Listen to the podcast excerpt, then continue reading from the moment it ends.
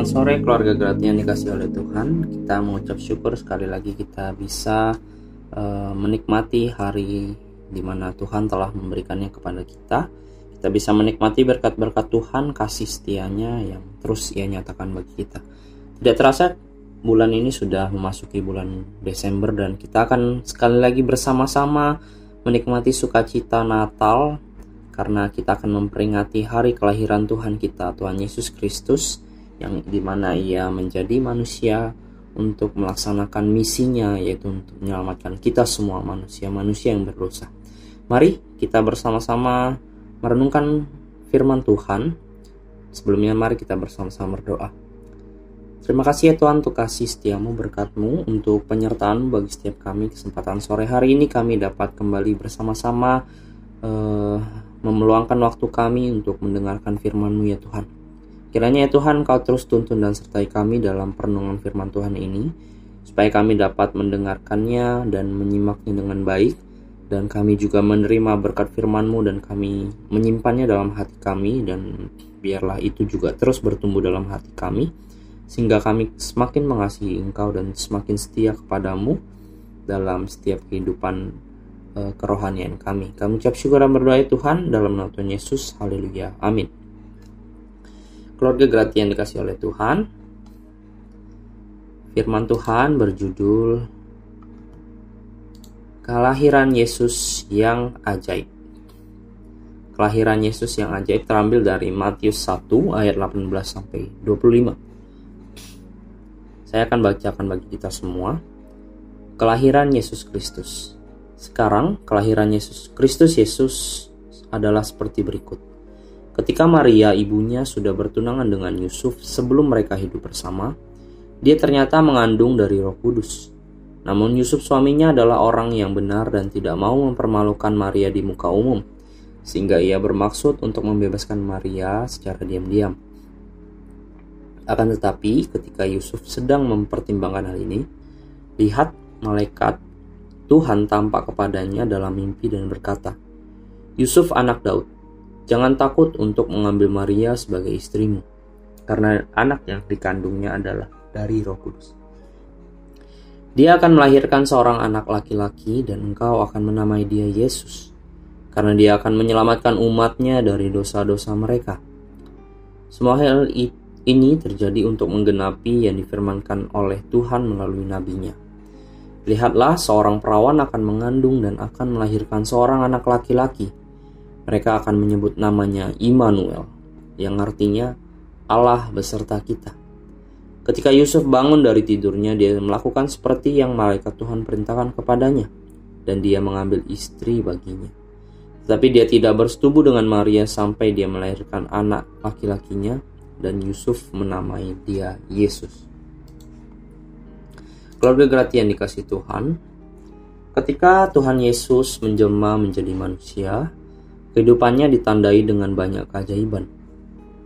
Salah satu keajaiban dari kehidupan Tuhan Yesus yang kita akan bersama-sama pelajari adalah kelahirannya. Dalam Matius 1 ayat 18 sampai 25 tercatat tiga keajaiban yang dapat kita pelajari tentang kelahiran Tuhan kita. Pertama, bayi Tuhan Yesus yang berada dalam kandungan Maria bukan merupakan hasil hubungan seorang laki-laki dan perempuan, melainkan berasal dari Roh Kudus. Dari pembacaan Matius 1 ayat 20. Karena berasal dari Roh Kudus, berarti kandungan Maria adalah kandungan yang bersifat kudus dan supranatural.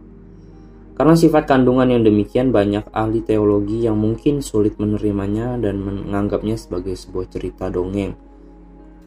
Akan tetapi kalau kita benar-benar mempelajari karya Roh Kudus dalam Alkitab, kandungan Maria yang berasal dari Roh Kudus bukanlah suatu hal yang dianggap sebagai dongeng, walaupun mungkin agak sulit dimengerti oleh akal manusia. Firman Tuhan dalam Kejadian 1 ayat 1 sampai 2 menggambarkan kondisi awal bumi yang gelap. Katakan bumi berbentuk kosong, gelap gulita meliputi samudra raya.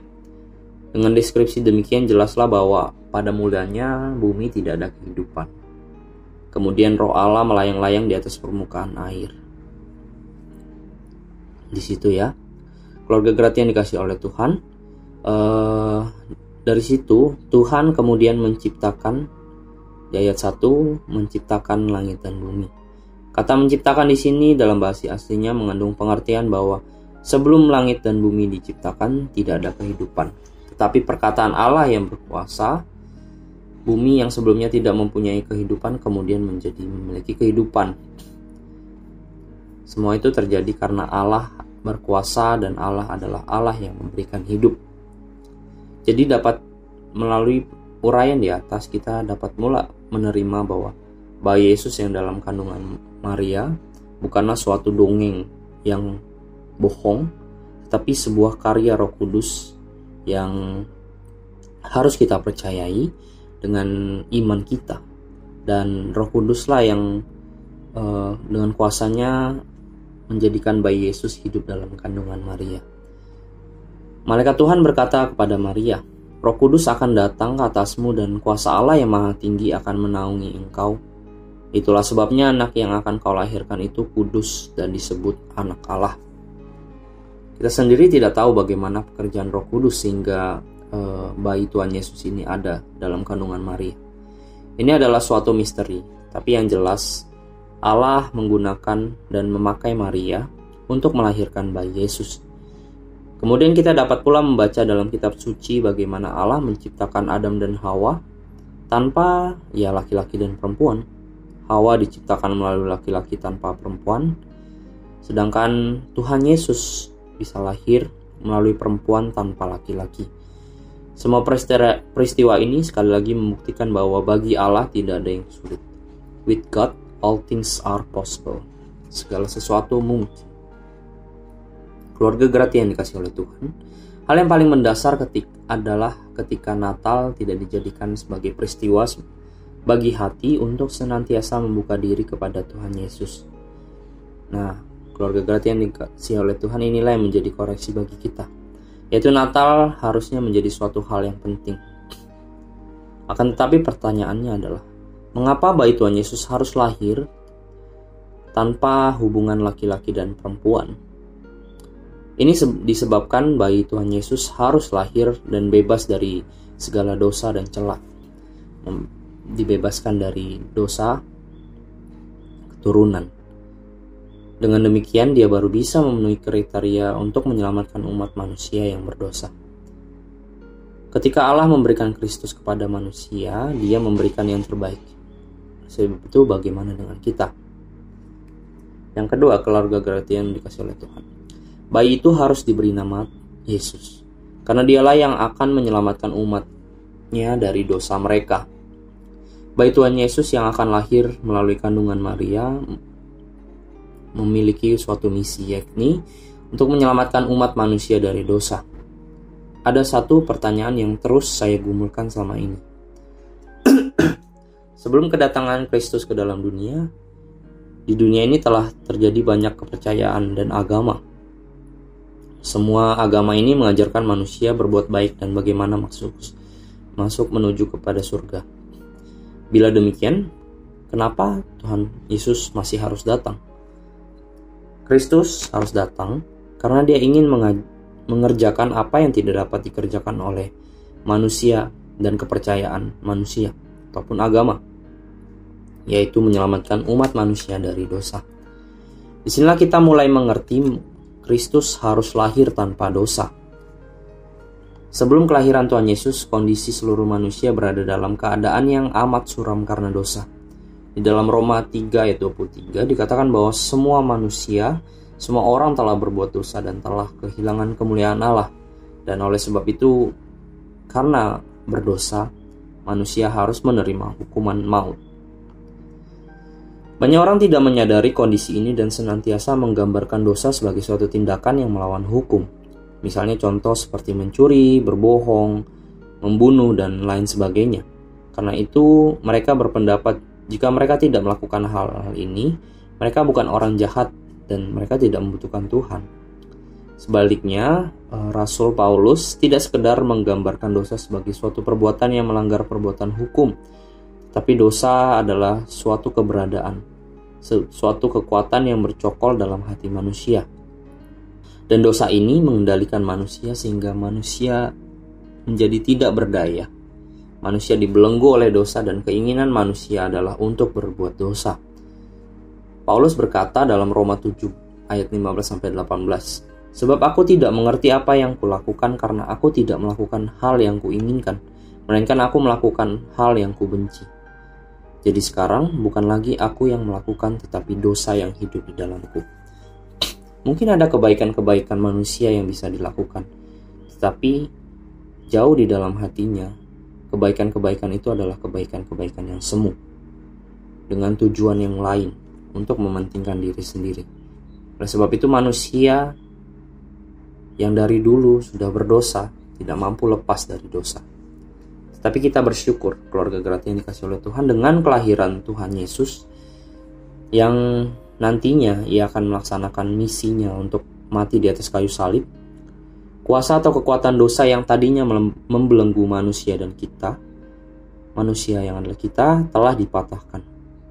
Hal ini seperti yang dikatakan oleh Rasul Paulus dalam 1 Korintus 15 ayat 54 sampai 57. Kematian sudah ditelan dalam kemenangan.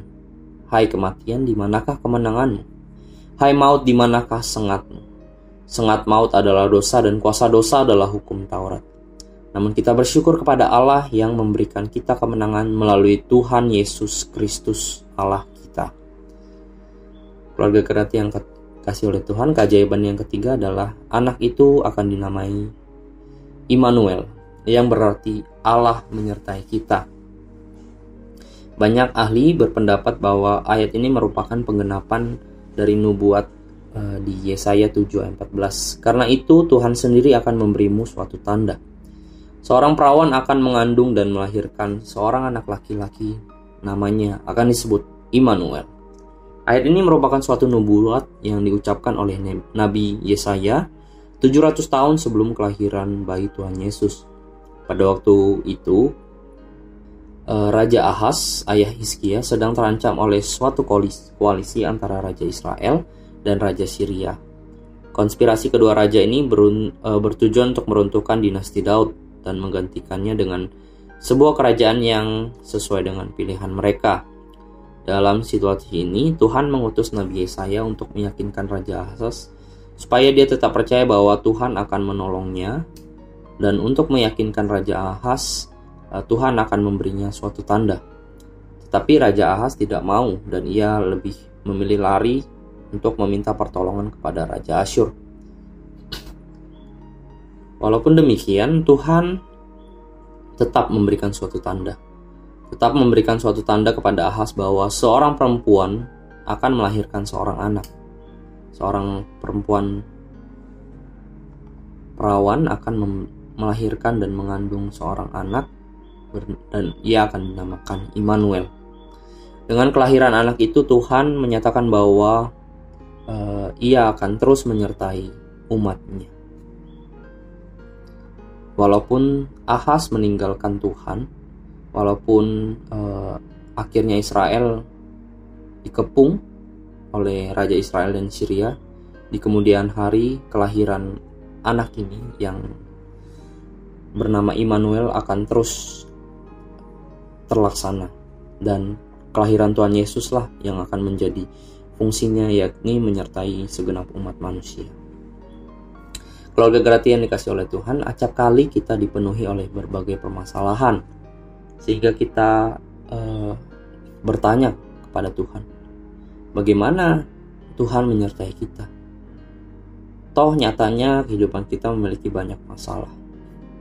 Satu masalah belum selesai, masalah yang lain datang lagi. Harusnya kita percaya keluarga gratis yang dikasih oleh Tuhan Tuhan adalah Tuhan Allah adalah Allah yang maha sanggup. Ia sanggup membebaskan kita dari permasalahan terkecil sekalipun atau terbesar sekalipun karena dia adalah Allah yang penuh dengan kuasa yang ajaib. Seorang penulis pengarang Kristen uh, pernah menulis demikian. Anakku tersayang, Manusia sangat bingung dengan caraku bekerja. Mereka pikir pekerjaanku adalah melepaskan segala kesulitan mereka. Aku harus memperbaiki setiap kondisi buruk dan membuat setiap keadaan menjadi sempurna. Maaf, itu bukan tugasku. Aku akan memperbaiki beberapa dari keadaanmu, tetapi kamu tetap akan menjadi sejumlah persoalan.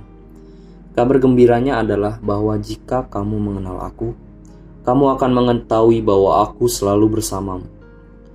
Aku akan membimbingmu melalui kesukaran-kesukaranmu dan keluar dari sisi yang lain.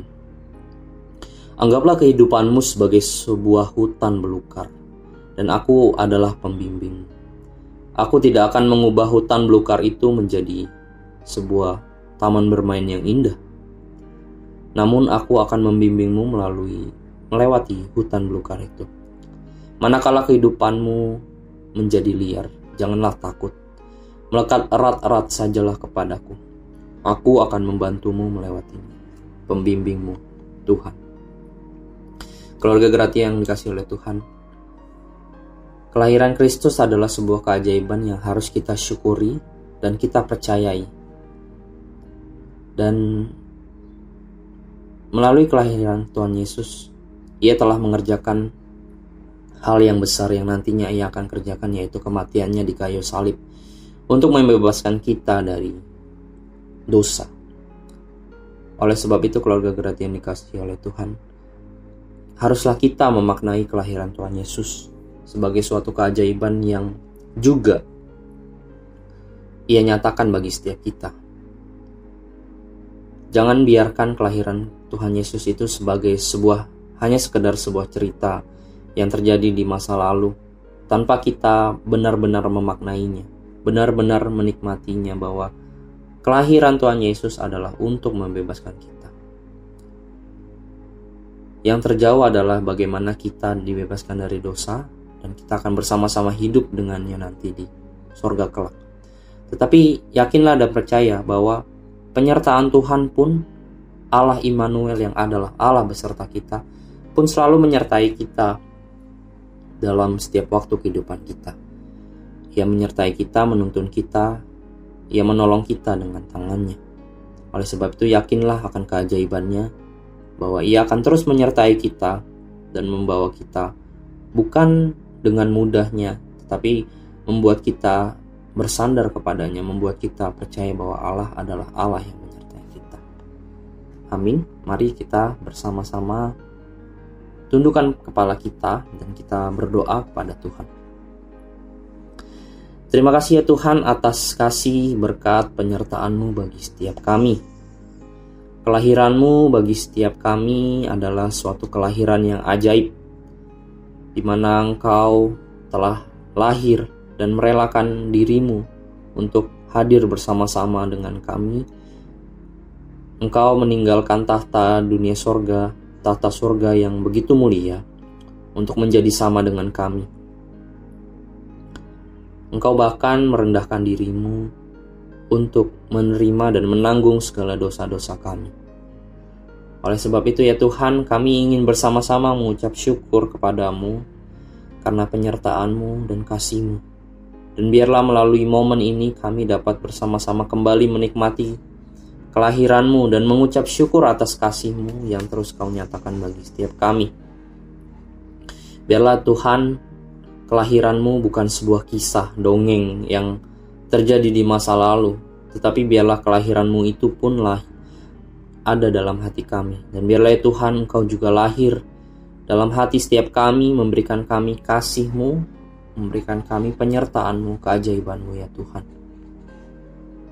Biarlah setiap kami memaknai kelahiran-Mu dan Natal ini bukan suatu sebagai suatu perayaan yang hanya kami ingin beria-ria saja, tetapi kami benar-benar memaknai bahwa kelahiran-Mu ke dunia adalah untuk menjalankan misimu untuk menyelamatkan setiap kami dan untuk menyertai dan menuntun kami, Tuhan.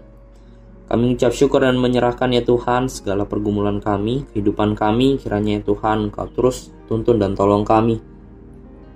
Ajarlah kami walaupun di tengah-tengah sulitnya kehidupan kami, kami terus bersandar kepadamu, kami terus memiliki kehidupan yang percaya kepada Engkau bahwa Engkau akan menyelamatkan kami dan menolong kami.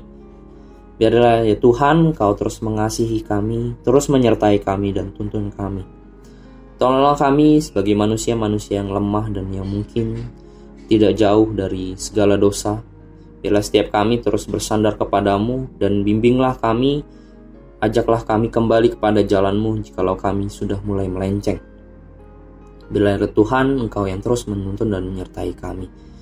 Untuk setiap kami yang mungkin dalam berbagai permasalahan dan pergumulan ataupun dalam sakit penyakit kiranya ya Tuhan, semuanya ini terjadi biarlah kami melihat bahwa itu untuk bertujuan membawa kami semakin memuliakan Engkau, membawa kami semakin percaya kepadamu. Inilah doa kami ya Tuhan, kami ucap syukur dan berdoa. Haleluya. Amin. Demikian renungan yang bisa disampaikan, kiranya dapat menjadi berkat bagi setiap kita. Selamat sore, keluarga Gracia yang dikasih oleh Tuhan. Tuhan Yesus memberkati kita semua. Shalom.